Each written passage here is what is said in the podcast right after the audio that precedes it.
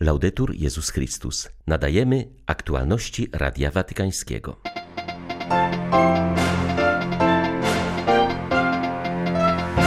Papież nie przyjął dymisji kardynała Marksa, który uznał się współodpowiedzialnym skandali w niemieckim kościele.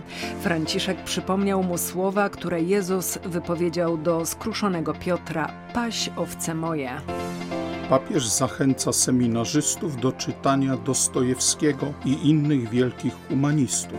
Nie po to, jak zastrzegł, by uczyć się od nich języka, lecz człowieczeństwa. Kościół apeluje o pomoc w Mozambiku. Wygnani przez dżihadystów nie mają gdzie się schronić, brakuje im wszystkiego, alarmuje miejscowy biskup. 10 czerwca witają Państwa ksiądz Krzysztof Ołdakowski i Beata Zajączkowska. Zapraszamy na serwis informacyjny.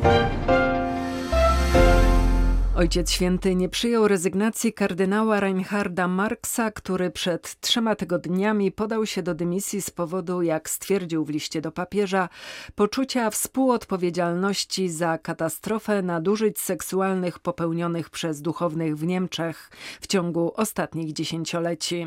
Franciszek poprosił go, by dalej służył jako metropolita Monachium i Fryzyngi. Na początku osobistego listu Ojciec Święty dziękuje kardynałowi kardynałowi Marksowi za chrześcijańską odwagę, która nie boi się krzyża, nie boi się upokorzenia w obliczu ogromnej rzeczywistości grzechu. Papież przypomina, że cały Kościół jest w kryzysie z powodu afery nadużyć i nie może dziś zrobić kroku naprzód bez przyjęcia tego kryzysu wskazuje, że polityka strusia prowadzi donikąd. Kryzys trzeba podjąć, wychodząc z naszej paschalnej wiary. Franciszek zgadza się z niemieckim kardynałem, że smutna historia nadużyć seksualnych i sposób, w jaki Kościół zajmował się nimi do niedawna, jest prawdziwą katastrofą. Przypomina, że w obliczu wielu błędów z przeszłości Kościół wypowiadał już swoje mea culpa i ta sama postawa potrzebna jest dzisiaj. Prawdziwa reforma nie polega jednak jedynie na słowach,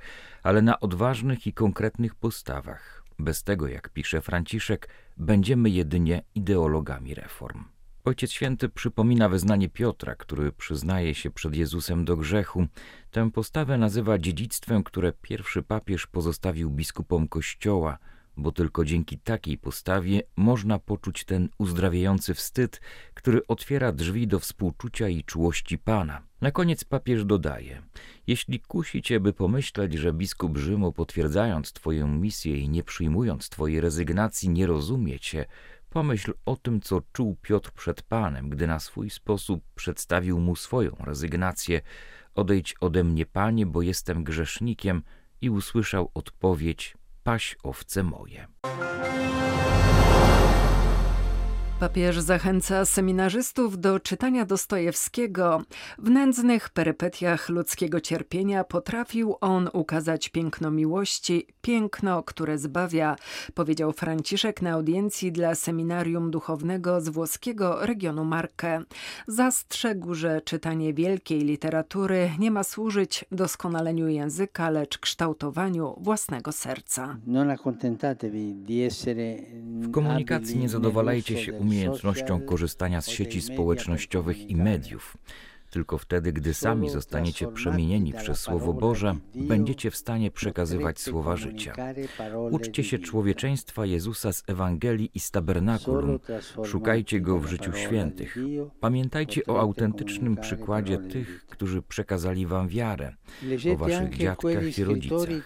Czytajcie też tych pisarzy, którzy umieli dotrzeć do głębi ludzkiej duszy.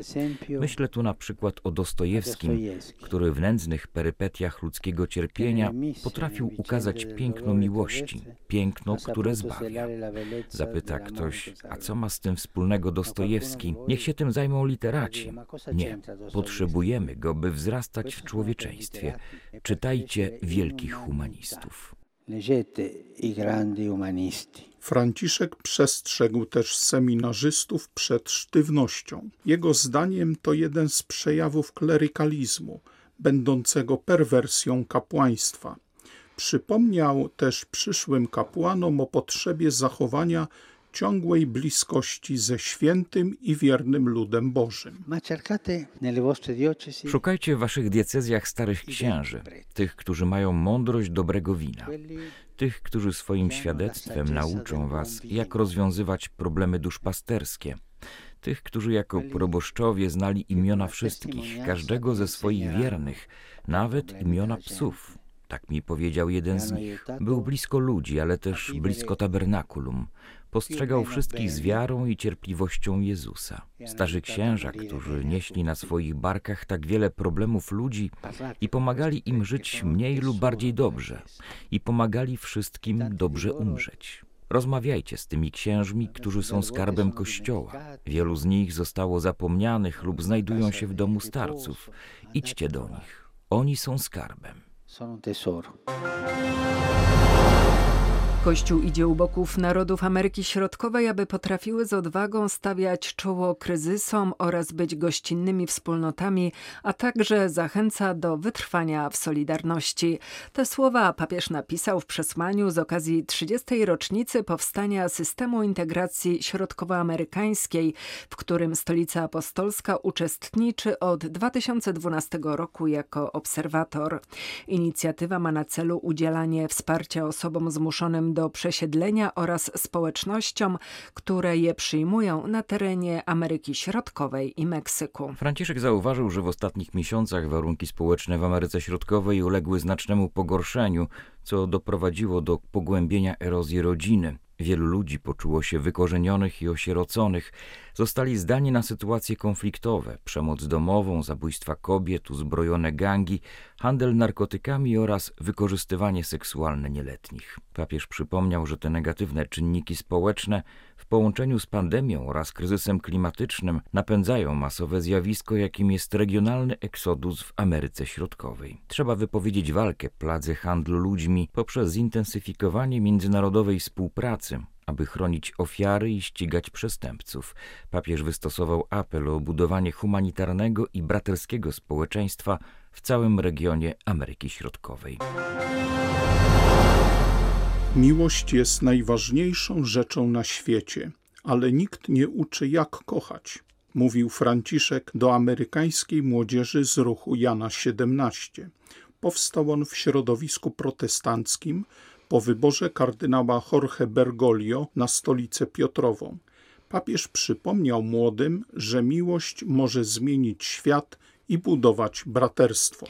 Członkowie ruchu spotkali się w Nowym Jorku na rekolekcjach, których tematem było pojednanie. John 17 Movement w ruchu Jana 17 chodzi o tych, którzy przy stole, pijąc cappuccino, jedząc kolację czy lody, odkrywają, że są braćmi nie ze względu na kolor skóry, narodowość, miejsce pochodzenia czy różne formy przeżywania wiary, ale jako dzieci jednego i tego samego Ojca. Miłość nie potrzebuje głębokiej wiedzy teologicznej, miłość jest spotkaniem życia, najpierw z osobą Jezusa, i właśnie z tego spotkania miłości rodzi się przyjaźń, braterstwo i pewność, że jesteśmy dziećmi tego samego Ojca. Miłość może zmienić świat, ale najpierw zmienia nas samych. Od października 2017 roku w północnej części Mozambiku powtarzają się ataki ze strony dżihadystów. W prowincji Capo Delgado wiele rodzin zostało zmuszonych do opuszczenia wiosek bez możliwości zabrania ze sobą czegokolwiek. To, co tam się dzieje, jest naprawdę bardzo niepokojące i poważne. Na tym obszarze i w innych pobliskich prowincjach jest ponad 700 tysięcy przesiedleńców. Uznaje się, że zginęło ponad 2,5 tysiąca tysiąca osób, powiedział Radiu Watykańskiemu arcybiskup Inacio Saure z Nampuli. Caritas Archidiecezji Nampula podjęła realizację dużego projektu wsparcia dla wysiedlonych, które obejmuje budowę prostych domów z lokalnych materiałów, dystrybucję leków, aby zwalczać choroby, zwłaszcza malarię, która jest bardzo rozpowszechniona. Prowadzimy także dzieło rozdawania odzieży. Kolejne wyzwanie, z którym trzeba się zmierzyć, dotyczy edukacji dzieci i młodzieży, z których wielu nie udało się znaleźć miejsca w szkołach publicznych. Także miejscowa ludność prowincji Nampula, a więc ci, którzy nie są przesiedleńcami, mają poważny problem z głodem. Kardynał Julian Herranz przypomina o osobistej odpowiedzialności duchownych, którzy dopuścili się pedofilii, jak i biskupów oraz przełożonych zakonnych, którzy tuszowali takie zbrodnie, nie zważając na jasne normy prawa kanonicznego. Podkreśla on, że nie ma znaczenia, czy ktoś się poczuwa do tej odpowiedzialności.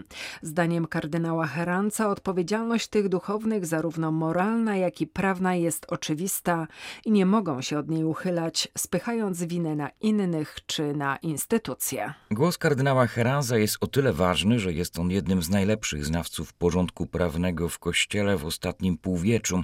Przez kilkadziesiąt lat pracował w papieskiej Radzie do spraw tekstów prawnych jako jej podsekretarz, sekretarz i w końcu przewodniczący. Podkreśla, że mówienie o instytucjonalnej, a nie osobistej odpowiedzialności winnych tych przestępstw wprowadza w błąd opinię publiczną i sumienia wiernych, a zarazem podkopuje wiarygodność Kościoła i jego ewangelicznego przesłania. 91-letni kardynał zauważa również, że byłoby naiwnością ignorowanie faktu, zwłaszcza w obecnej sytuacji historycznej, iż potężne siły tego świata starają się wykorzystać słabość ludzkiego elementu w Kościele, aby zdyskredytować go przed światową opinią publiczną. Jest oczywiste, że obrona Kościoła jako ciała Chrystusa pomniejszonego przez grzechy swoich członków, przez nasze grzechy, jako nowego ecce homo wobec świata, nie oznacza klerykalnej samoobrony. Nie chodzi tu o ochronę narcystycznego wizerunku władzy i światowego prestiżu Kościoła, który broni się zapominając o pokorze, ale o potwierdzenie boskiego pochodzenia Kościoła, świętości sakramentów oraz odwiecznej aktualności i wiarygodności chrześcijańskiego orędzia – napisał kardynał Herans. Kilka dni temu Bank Światowy przedstawił raport, z którego wynika, że Liban jest dotknięty najpoważniejszym kryzysem gospodarczym w historii. Jego gospodarka skurczy się w tym roku o kolejne 10%. Ponad połowa ludności żyje poniżej granicy ubóstwa, rośnie bezrobocie, a także liczba osób mających trudności z dostępem do podstawowych świadczeń, w tym opieki zdrowotnej. Do tego wszystkiego dochodzi konieczność zapewnienia utrzymania rosnącej populacji syryjskich uchodźców, którzy dołączają do obecnych tam od kilkudziesięciu lat Palestyńczyków i Irakijczyków. Marwan Shenawi przewodniczący Stowarzyszenia Zakonu Maltańskiego w Libanie, opisuje w rozmowie z Radiem Watykańskim trudną sytuację, w jakiej znalazł się kraj. Potwierdza też bardzo poważną odpowiedzialność, jaką można przypisać klasie politycznej, której korupcja i niekompetencja są w dużej mierze przyczyną załamania gospodarczego.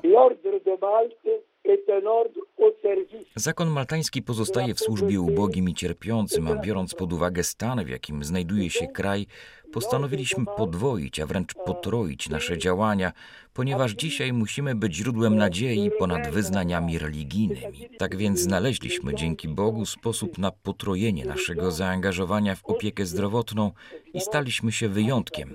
Zajmujemy się osobami niepełnosprawnymi, młodzieżą. Rozpoczęliśmy też nową akcję, którą nazywamy agrohumanitarną. Dobrze nam się współpracuje z chrześcijanami, ale także z islamem sunnickim i szyickim, z druzami. Oni nas szanują, my zachowujemy naszą dewizę. Nie pytam cię ani o rasę, ani o kolor skóry czy religię, ale powiedz mi, jakie jest twoje cierpienie. Były to aktualności Radia Watykańskiego. Laudetur Jezus Chrystus.